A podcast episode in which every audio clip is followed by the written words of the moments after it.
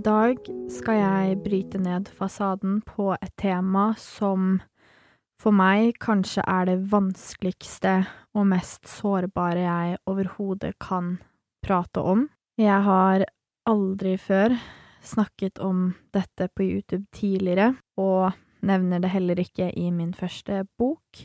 Det har tatt meg nå snart to år å prate høyt om det, og ikke da bare for offentligheten, men også for flere av vennene mine, og ikke minst familien min. For temaet jeg skal snakke om i dagens episode, det er utroskap.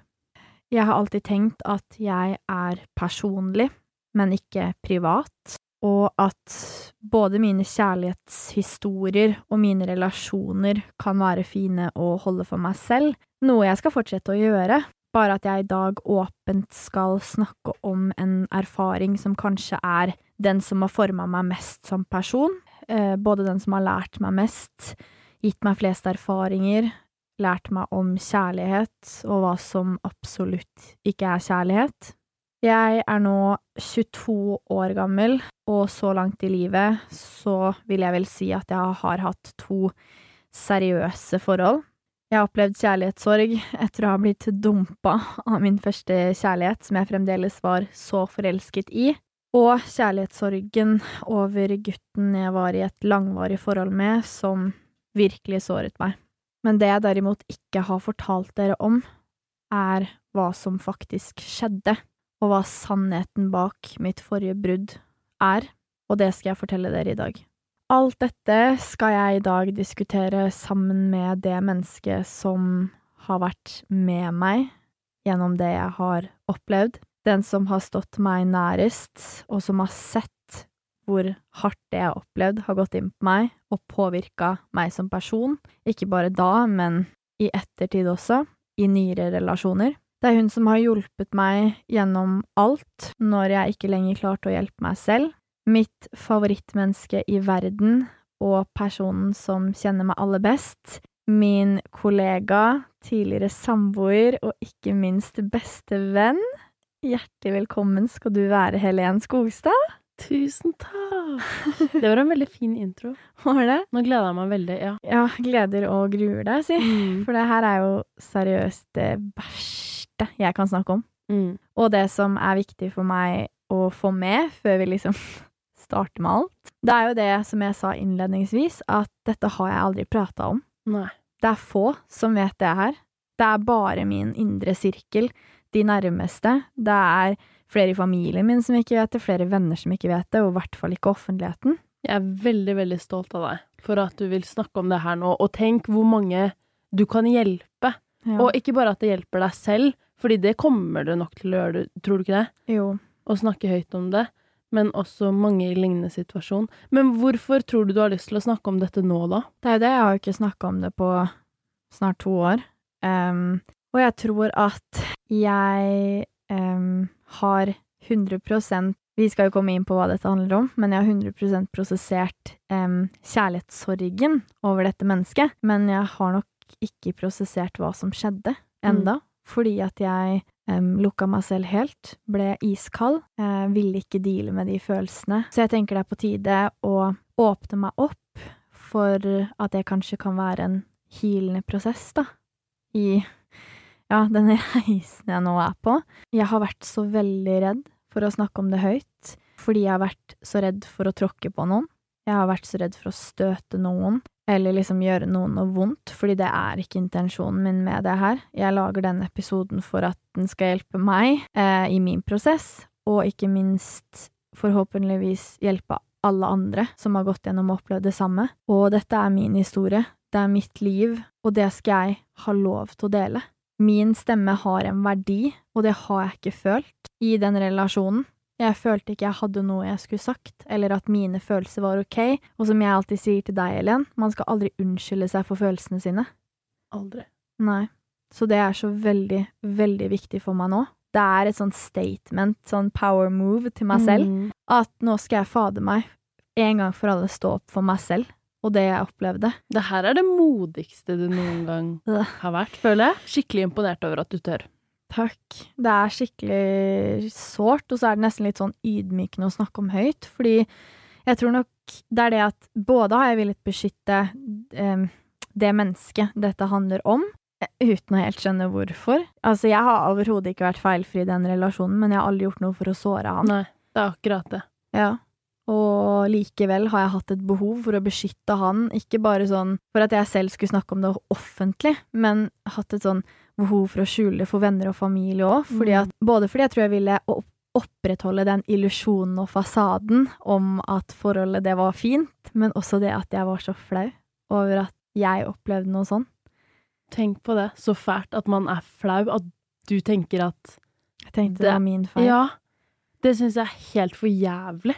Fordi den følelsen jeg har sittet med i ettertid, er at jeg endte opp med et knust hjerte, og han fikk meg til å føle at jeg fortjente det.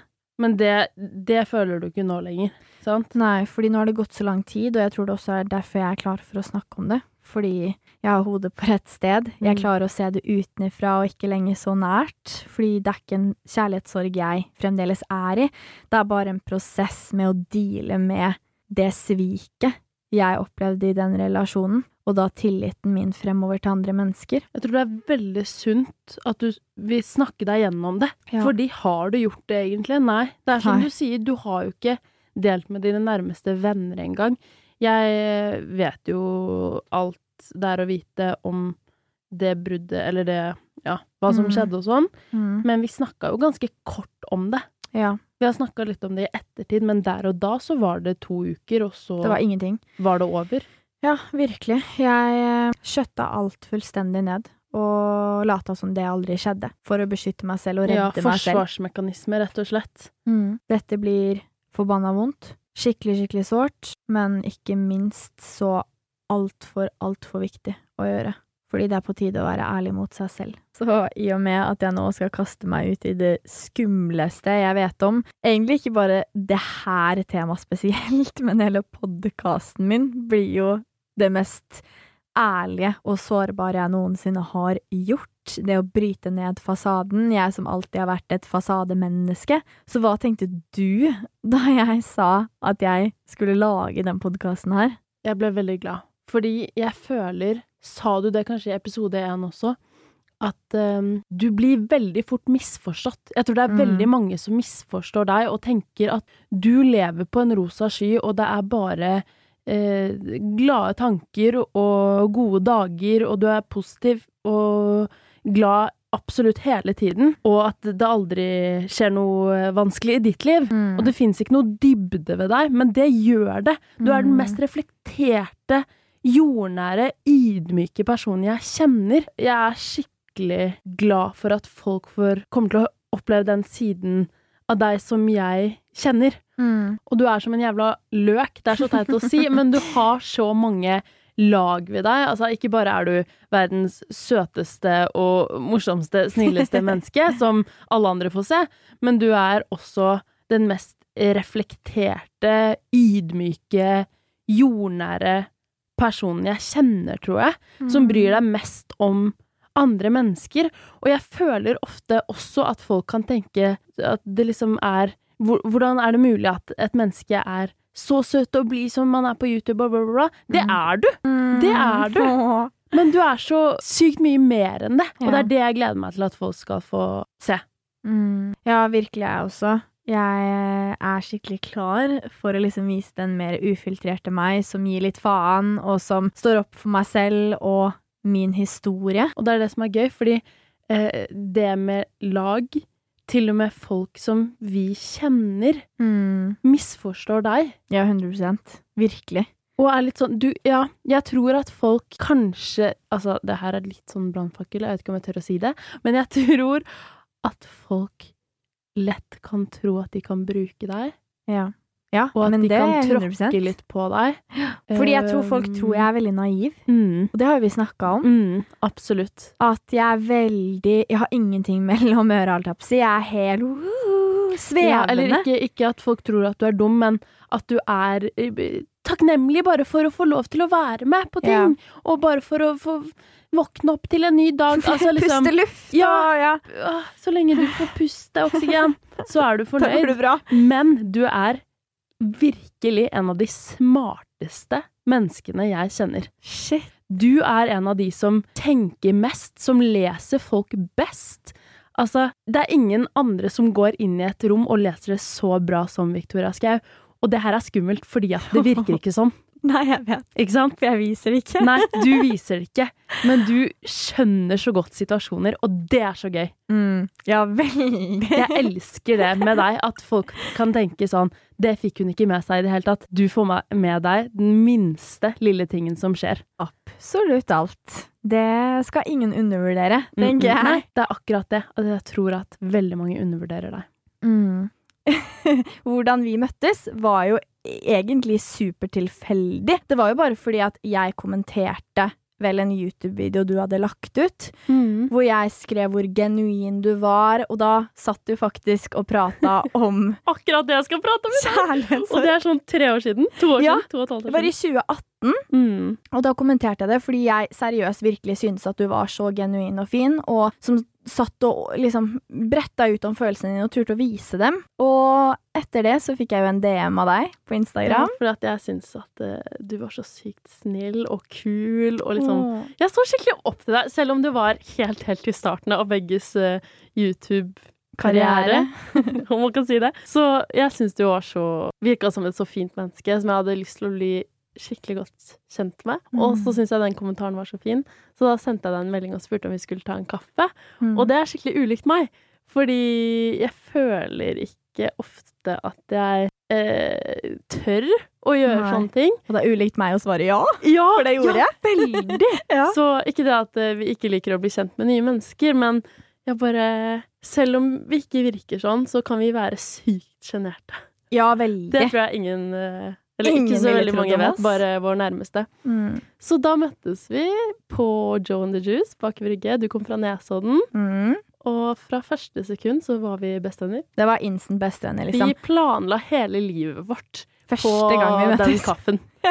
Som er helt sykt. Og det er ulikt oss begge to, og det er det jeg syns var så fint og unikt med vennskapet, at det sa bare klikk. Det var Mm. kjemi fra første stund, og vi åpna oss opp om våre innerste, dypeste følelser. Og du, da, som aldri har vært en person som er så veldig glad i å prate om følelsene dine, Mm. gjorde det med meg. Og det er så rart, fordi det er ikke lenge siden, tror jeg, jo kanskje et år siden, da, hvor jeg sa til Victoria sånn Visste du at jeg egentlig er en person som aldri har prata om følelser? Jeg har bare sittet og lytta når folk har fortalt meg og liksom gitt råd og Herregud, jeg har de verdens fineste mennesker rundt meg, liksom. Venner. Mm. Så det er, Det er ikke det at jeg ikke vil høre. Ja, sånn. jeg bare syns det er sykt vanskelig å prate om Mm. følelser. Men uh, ikke med deg. Åh, det er jo livets største kompliment. Og i forhold til det, som sagt, vi bretta ut om våre følelser fra første stund, og på det tidspunktet vi ble kjent, så var jo jeg faktisk i et forhold. Mm. Noe som er litt eh, interessant, fordi at du kjenner meg. Er det én ting det går i, så er det gutter, gutter, gutter. Kjærlighet. Altså, Victoria er den mest guttegærne personen jeg kjenner. Og alle er digge Alle er og digge. sexy og Crush hot. på alle. herregud, jeg vil ha! Ja, du er gæren. ja, faktisk litt. Og det er det som er så gøy, fordi jeg har alltid eh, prata mye om det, og det jeg er litt nysgjerrig på å høre på, er jo hva fikk på en måte du inntrykket av når du møtte meg og jeg var i et forhold? Det som var så rart, var at eh, jeg skjønte Jeg visste jo at du var i et forhold, fordi at jeg så på YouTube-videoene dine. Men jeg skjønte ikke Altså sånn Det var så rart, fordi jeg tror ikke du snakka om han en eneste gang før det ble slutt. Mellom deg og han. Da tror jeg at Wow. vi hadde vår første samtale om din eks. Noe som er veldig rart, Shit. fordi at dere var jo sammen i et halvt år. Mens Ja, vi kjente hverandre, og vi ble jo veldig fort gode venner. Og jeg Ja, ja. snakket jo om min person, Ja. så det var jo veldig rart at eh, du ikke snakket noe om han. Men hvorfor gjorde du ikke det? Det er det jeg også lurer på, når du sa det til meg for litt siden, at du aldri hadde hørt meg snakke om han da vi ble kjent. Så ble jeg litt sånn hæ? For jeg er jo den personen som prater om sånne ting mest. Så jeg var litt sånn, jeg har reflektert mye over det og tenkt sånn, hva kan være grunnen? Men jeg tror nok grunnen var at jeg var så ferdig med Mm. forholdet, at det var ikke noe å prate om. Han var liksom Litt bakgrunnshistorie eh, med dette forholdet, da. Så er dette en person jeg hadde vært i et forhold med over veldig mange år. Vi hadde på mange måter et kjempefint forhold i starten. Kjempetrygge på hverandre, vokste opp med hverandre. Eh, han var min trygghet i livet. Og mot slutten så merka jo jeg like godt som han at vi hadde vokst fra hverandre, men vi var hverandres beste venn. Vi var hverandres safe spot, den vi alltid kunne gå til, så jeg tror at det handla rett og slett om at jeg holdt fast ved det forholdet fordi jeg var så forbanna redd for å miste den tryggheten, ikke av kjærligheten overfor han. Mm. Noe som gjorde at det var på en måte ikke noe jeg gadd å prate om. Fordi at han bare var der. Han bare var der som en trygghet i livet mitt. Det var liksom ingenting mer enn det. Og det er jo helt forferdelig å holde, holde igjen og fast i et forhold det egentlig ikke lenger er noe i. Men jeg skjønner det så godt, for dere hadde vært sammen så lenge og vokst opp Ja. sammen. Mm. Dere hadde jo blitt én, og i tillegg Ja. var han bestevennen din. Hvordan Så ville livet hvordan- bli uten ham? Ja, jeg skjønner det så godt. Ja, og så var jeg nok ekstremt redd for å være alene. Det var en tid i livet mitt hvor jeg følte jeg var på mitt laveste punkt. Hvor jeg var veldig sånn hvem er jeg, hva vil jeg med livet mitt, hvem er de rette folka for meg? Og da var det veldig deilig å vite i bakhodet at jeg hadde i hvert fall han. Jeg kan jo si så mye som at etter veldig mange år så ble det slutt i eh, 2019, starten av 2019. Noe som egentlig kom som et veldig sjokk for de rundt. Eh, fordi som sagt, jeg hadde ikke engang prata med deg om forholdet. Jeg hadde ikke prata om eh, Kan du huske at jeg prata om konflikter eller drama eller noen Ingenting. ting? Ingenting. Nei, jeg visste ingenting om han, utenom navnet. Men så turte jeg ikke å spørre, fordi du ikke Nei. prata om han. Så skjønte jeg jo at det var kanskje noe, eller at det Mm. Jeg vet ikke, men så snakket du om at dere skulle flytte sammen. Jeg var veldig forvirra. Ja, Det eh, gjorde du faktisk! ja. Når jeg tenker meg om, det Det var det, eneste tingen. du sa. At du kanskje skulle flytte. Det er jo det som er veldig interessant, for som sagt, det kom som et sjokk for absolutt alle. Både venner, familie. Det eneste folk på en måte visste eller antok, var at forholdet vårt var veldig picture perfect. Det var veldig sånn 'Å, herregud, de har vært så lenge sammen. Fader, så fint og stabilt forhold de har. Dette må jo være bra', på en måte. Men jeg tror at For det første, som sagt, jeg har alltid vært en veldig fasadeperson. Det er jo derfor jeg bryter den ned nå. Og jeg var i hvert fall fasadeperson når det kom til det forholdet der. Kan jeg bare spørre, hvorfor tror du at du er så fasadeperson? Hvorfor er du så opptatt av Jeg- at alt skal være perfekt? Jeg er nok ikke det uh, i dag. Uh, jeg jobber i hvert fall veldig med å bryte ned fasaden og stå for uh, mine historier og fortelle og alt sånt der, men jeg tror nok jeg var det fordi at jeg hadde ikke kontroll på livet mitt oppi hodet selv. Og derfor var det veldig deilig at andre trodde jeg hadde det. Mm. Så det var på en måte det eneste jeg klarte å kontrollere i livet mitt, at folk trodde at ting var perfekt og bra. Og i hvert fall forholdet mitt som utad så ut som verdens mest perfekte. Jeg uttalte jo at å herregud, så trygge vi er på hverandre. Folk var jo sånn det der er goals, det er drømmeforholdet. Når jeg på innsiden visste så veldig godt at det ikke var. Men det var deilig at folk trodde det. Det gir veldig mening. Mm. Så folk fikk sjokk, spesielt kanskje også fordi folk ikke visste hvor dårlig jeg hadde det i det forholdet mot slutten. Eh, som sagt, vi hadde veldig mye bra eh, i starten av forholdet, og det er en grunn til at vi ble sammen, og at jeg valgte å være sammen med han så lenge også, og at jeg holdt fast i han, og han var jo bestevennen min. Men ting ble veldig dårlig etter hvert, og jeg følte meg veldig dratt ned i forholdet. Jeg hadde nok aldri tatt steget å slå opp selv, fordi jeg var så redd for å miste han. Så jeg venta til han gjorde det. Eh, Skjønte du at det kom til å skje? Ja, det gjorde jeg. Jeg husker jeg snakka med deg i telefonen kvelden før. Det er vel kanskje første gang du hørte noe som helst om han. Men da husker jeg jeg ringte deg, og så var jeg sånn Nå er jeg på bristepunktet. Nå er jeg Nå vet jeg ikke hva jeg skal gjøre. Jeg føler meg helt hjelpeløs. Jeg tror faktisk jeg må gjøre det slutt. Og dagen etter så kom jo meldingen fra han, eh, hvor han eh, skrev 'vi må ta en prat'. Og da visste jeg jo hva som kom. Så jeg var litt sånn Prat om hva, på en måte? Alt er jo snakka om. Vi hadde jo runde på runde på runde, liksom. Og jeg vil bare også si det her, før jeg begynner å virkelig gå i detalj, at eh, dette er absolutt ikke for å henge ut han på noe som helst måte. Dette er for å prate om mine følelser, for dette er min historie, og den skal jeg få lov til å prate om. Og jeg har vært så forbanna redd for å spille inn denne episoden her, for å liksom tråkke noen på føttene eller sånne ting. Men det her er min, dette er mitt liv, dette er min historie, dette har jeg opplevd, og derfor har jeg all rett til å prate om det. Så han sendte meg meldingen, um, og jeg skrev det er ingenting mer å prate om, Um, og han skrev at det var ikke på den måten han ville avslutte noen av de beste årene av sitt liv, da. Og der kom jo på en måte den, det svaret jeg lette etter. Og han ville veldig gjerne møtes, men jeg visste at det bare ville gjøre vondt verre, så jeg valgte å ikke møte han. Jeg husker jeg ringte deg og var knust, og jeg tror ikke egentlig det var at jeg var knust og så lei meg for å miste han.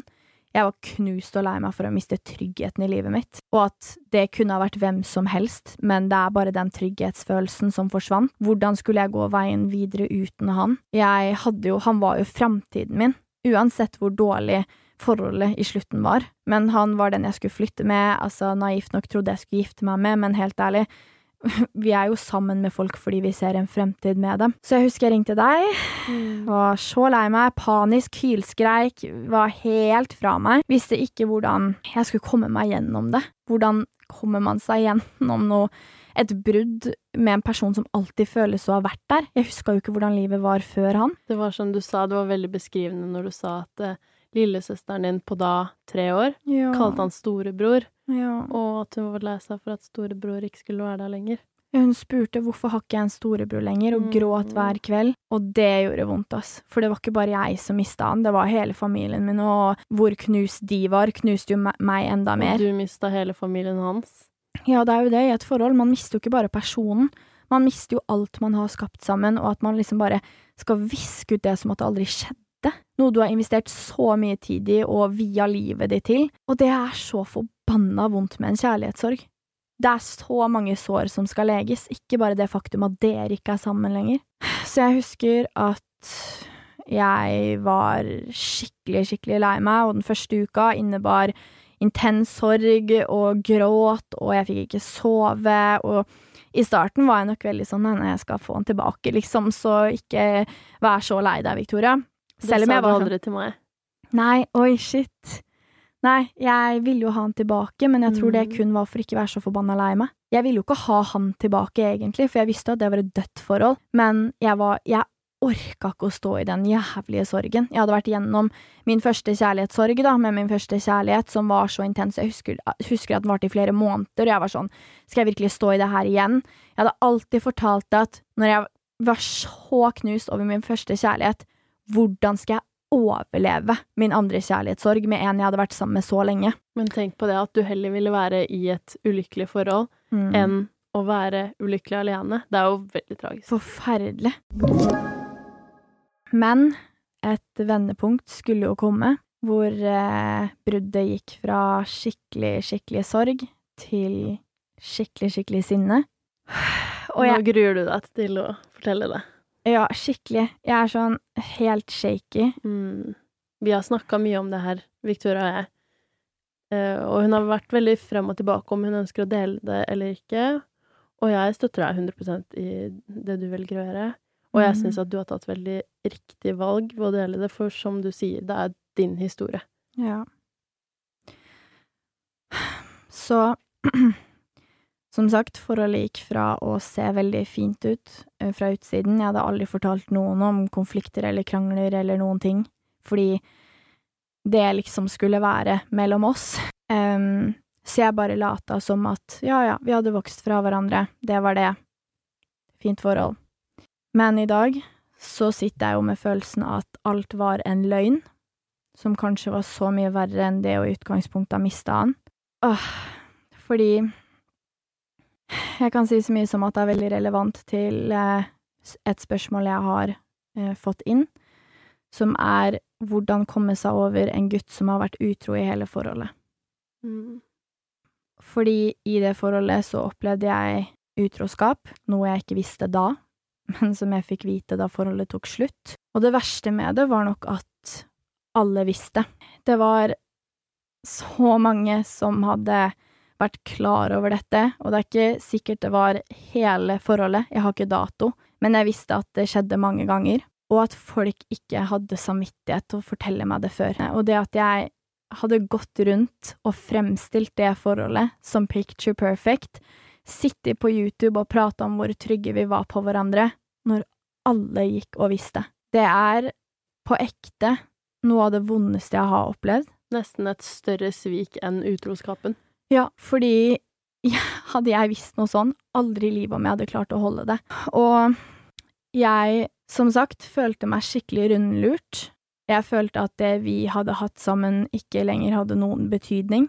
Jeg tror aldri jeg har grått over det her før i dag. Jeg tror faktisk ikke jeg har grått, grått etter jeg fikk vite det. Men jeg innser nå hvor jævlig gjort det er, fordi jeg vet så godt at jeg ikke var feilfri i det forholdet overhodet. Det er ingen.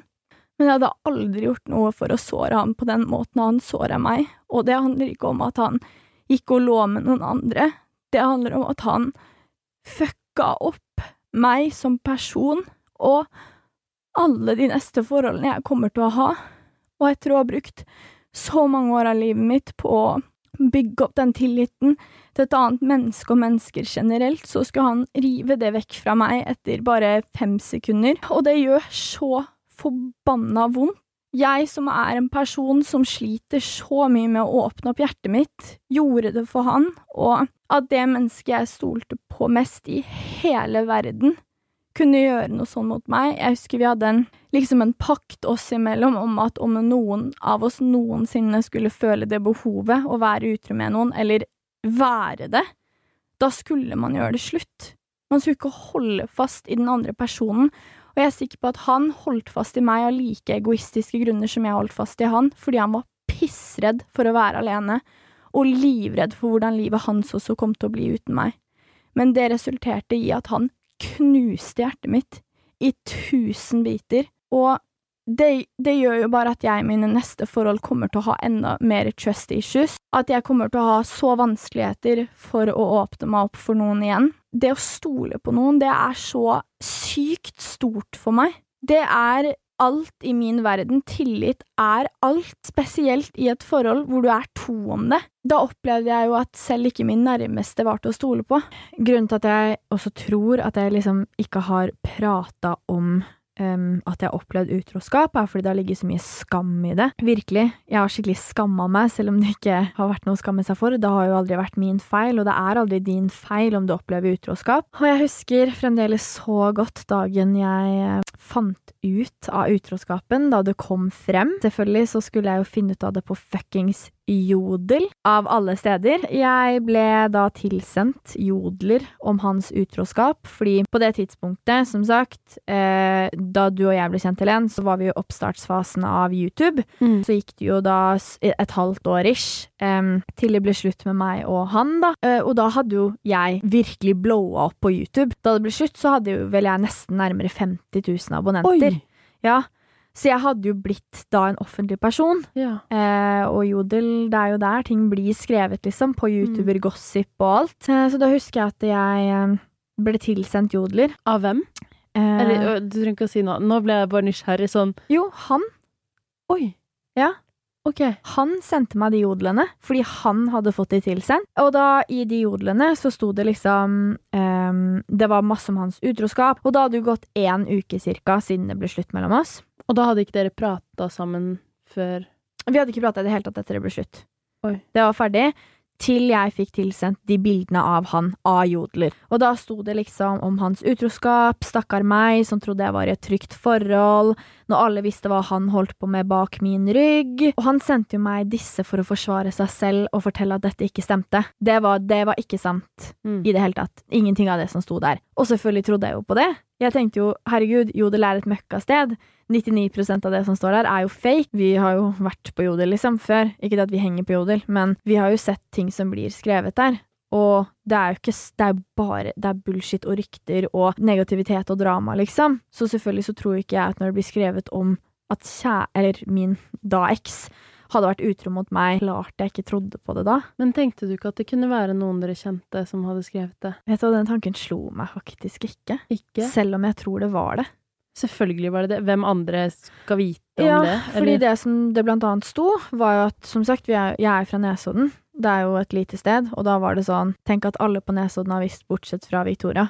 Den er stygg. Den er stygg. Å få i trynet rett etter et brudd. Ja, og da få den bekreftelsen på at hei, Victoria, alle har visst, alle har visst hva kjæresten din har gått og holdt på med, hva de har gått og ledd av. At å, fy faen, så fett at du ligger rundt, liksom. Kvalm av tanken. Uh, men, men uh, jeg var den eneste som ikke fikk vite det. Det jeg fikk vite etter alle disse jodlene ble sendt og alt sånn der, som sagt, jeg trodde jo ikke på det, sendte tilbake til han at ha-ha, ja ja, det er jo ikke sant, det. og han var sånn ja, Oi. visste ikke du det? Nei. Oi. Og så skrev han at jeg tror vi burde møtes når jeg kommer tilbake igjen, for at jeg liksom skal Vi kan snakke om det. Så sa jeg du, det er ikke noe å prate om. Var det det han sa at dere skulle prate om? Ja. Det har aldri du sagt til meg. Oi! Nei, du har bare sagt at han ville prate etter bruddet. Mm, nei. Det var det han ville prate om. Og da sa jeg det er ingenting å prate om, jeg skjønner at dette ikke er sant, bla, bla, bla. Men den jodeltråden var jo så lang at du aner jo ikke engang. Og alle fikk jo dette med seg. Bildene ble sendt rundt til folk, og det var jo da telefonene begynte å ringe. Da ringte jo folk meg. Jeg fikk massevis av meldinger hvor da folk fortalte meg at eh, Sorry, Victoria, men det er sant. Og det var jo da jeg også fikk vite kanskje en grunn da til at folk ikke sa noe, at de heller liksom var litt sånn å, tenk om de sa noe, og så ødela de noe, og så var det egentlig ikke så ille, tenk om man skjønner ikke at det kan være et dilemma. ja, det var usikkerhet, fordi som sagt, vi hadde et picture perfect forhold, skulle de være den som kom og ødela det, så jeg på en måte kan forstå den siden av det. Jeg fikk jo et sjokk da alt dette kom frem i lyset, og jeg liksom fikk For det er det som er sjukt, han bekrefta det aldri, eh, og nekter jo sikkert fortsatt for det til den dag i dag, men jeg fikk jo bevisene sort på hvitt av absolutt alle. Det jeg fryktet mest, viste seg jo å stemme, selv om det ikke kom fra hans munn noen gang, og det syns jeg også på en måte var en vond del, at kan du ikke bare own up for det? Jeg har sort på hvitt bevis fremfor meg, og kan vise deg, altså sånn Innrøm det. Men kanskje Ja. han ikke innrømmer det for seg selv. Kanskje At han sånn unnskylder det på en eller annen måte sånn Ja, men det var jo bare en Ja, at det var litt sånn Det er å ta på ansikt. At jeg fikk vite alt det her, det gjorde meg jo jævlig flau. Fordi jeg følte meg så dum fordi jeg innerst inne egentlig hadde visst. Jeg hadde jo sett alle de røde flaggene. Jeg hadde jo gått rundt og vært stressa. Jeg hadde jo hatt min mistanke, men likevel så hadde jeg ikke handla. Jeg hadde ikke gått fra forholdet.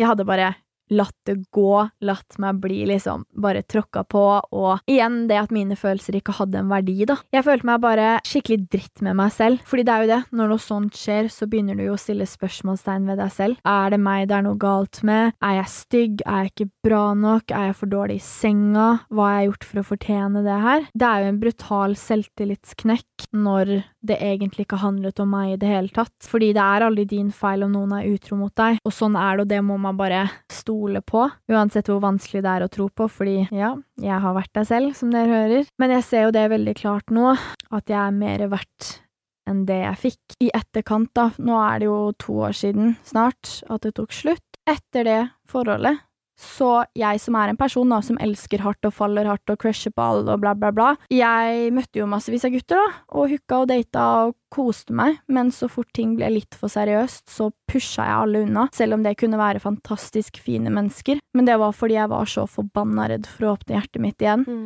og jeg Ikke rart i det hele tatt. Nei, og jeg ville ikke at noen skulle få lov til å knuse hjertet mitt igjen, så jeg dytta alle vekk. Jeg så sjanser, jeg møtte fine folk som kunne ha leda til fantastiske ja, kjærlighetshistorier, men jeg var for redd.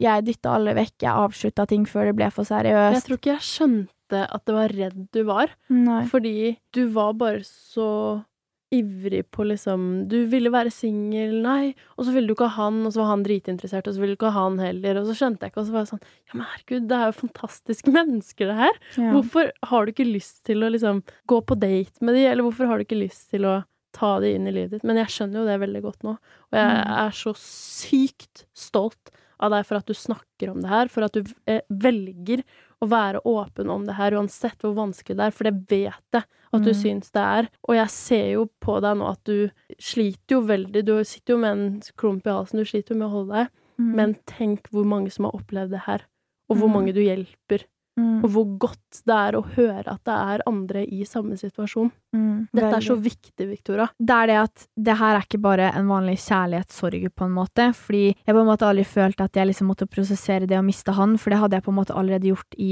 forholdet for lenge siden. Og det var jo det vi to snakka om også, at det kanskje var derfor jeg ikke prata så mye om han da vi to ble kjent. Fordi at det var liksom Jeg var ferdig med forholdet. Det var som sagt et dødt forhold. Ja.